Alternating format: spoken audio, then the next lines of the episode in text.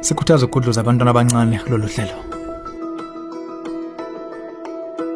Uma babili benqoma ukushada akumele ukuba nemfihlo phakathi emshadweni wabo engasuke ibaqumbe phansi. Wenze njani-ke uma ukhetha ukuba msulwa phambi komshado kodwa kufumaniseka ukuthi ozoshada naye akasaphelele? Sizoxoxa ngokuthi lokhu kungalimaza kanjani ubudlelwano nokuthi abaganene banganqoba kanjani leyo ndaba khona la ohlelweni ezomndeni lalela ungasuki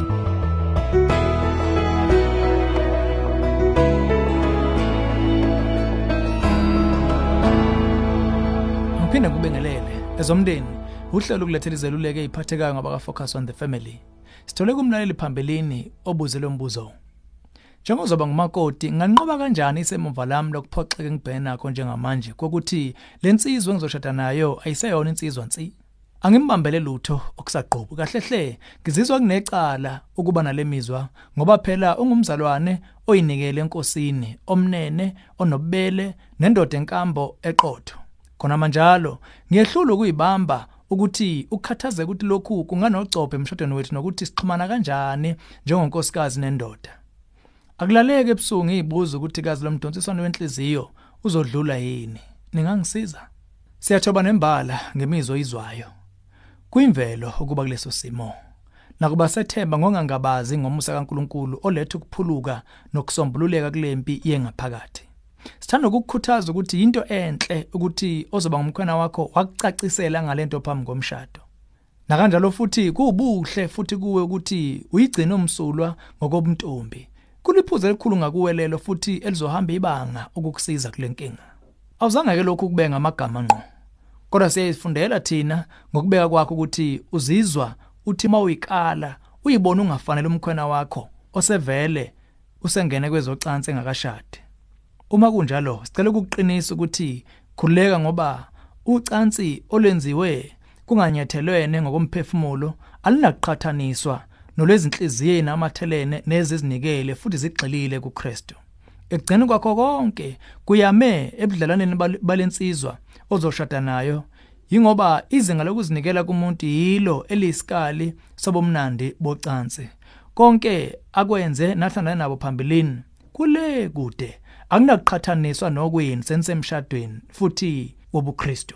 Uma ungakaqali sikhuthaza uxoxe nozoba ngumnyeni wakho uthola ulwazi oluthe xaxa kwakwenzakalani empilweni ngempela okwagcina kumlahlekisa komtsizwa nsibakhe wayivese ngumKristu noma cha ungena kwakho ocansini ngakube kwakuyinto esikhashana yokuyithokozisa kumbe kwakubudlelwane obabuqhubeka ngakube waphenduka wayinikela ukuguqula ukuyiphatha kwakhe? Ngakube izenzo zakhe zabe zingxenye addiction ongabandakanya ukusebenzisa izithombe zobunqunu. Kumbe wayesaziluthekele lokhu kwasesikoleni nje nentombi thize yasesikoleni.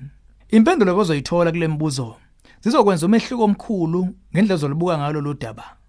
Iaddiction inganocopho nqala emshadweni wakho kuthi lezi ezinye izimo zona zingconywana.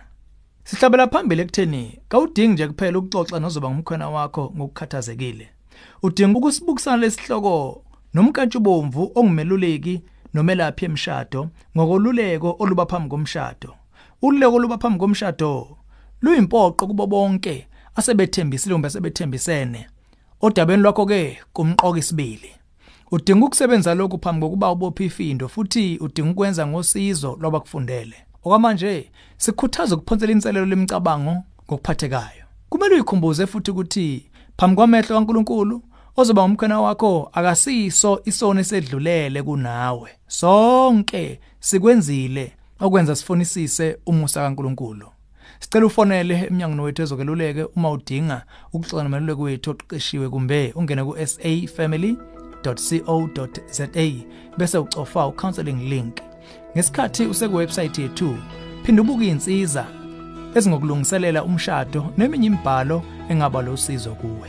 Lolu hlelo ezomndeni ulethulelwe yifocus on the family sihlangabezwa hlelo luzayo sesihlabelisa phambili umndeni wakho.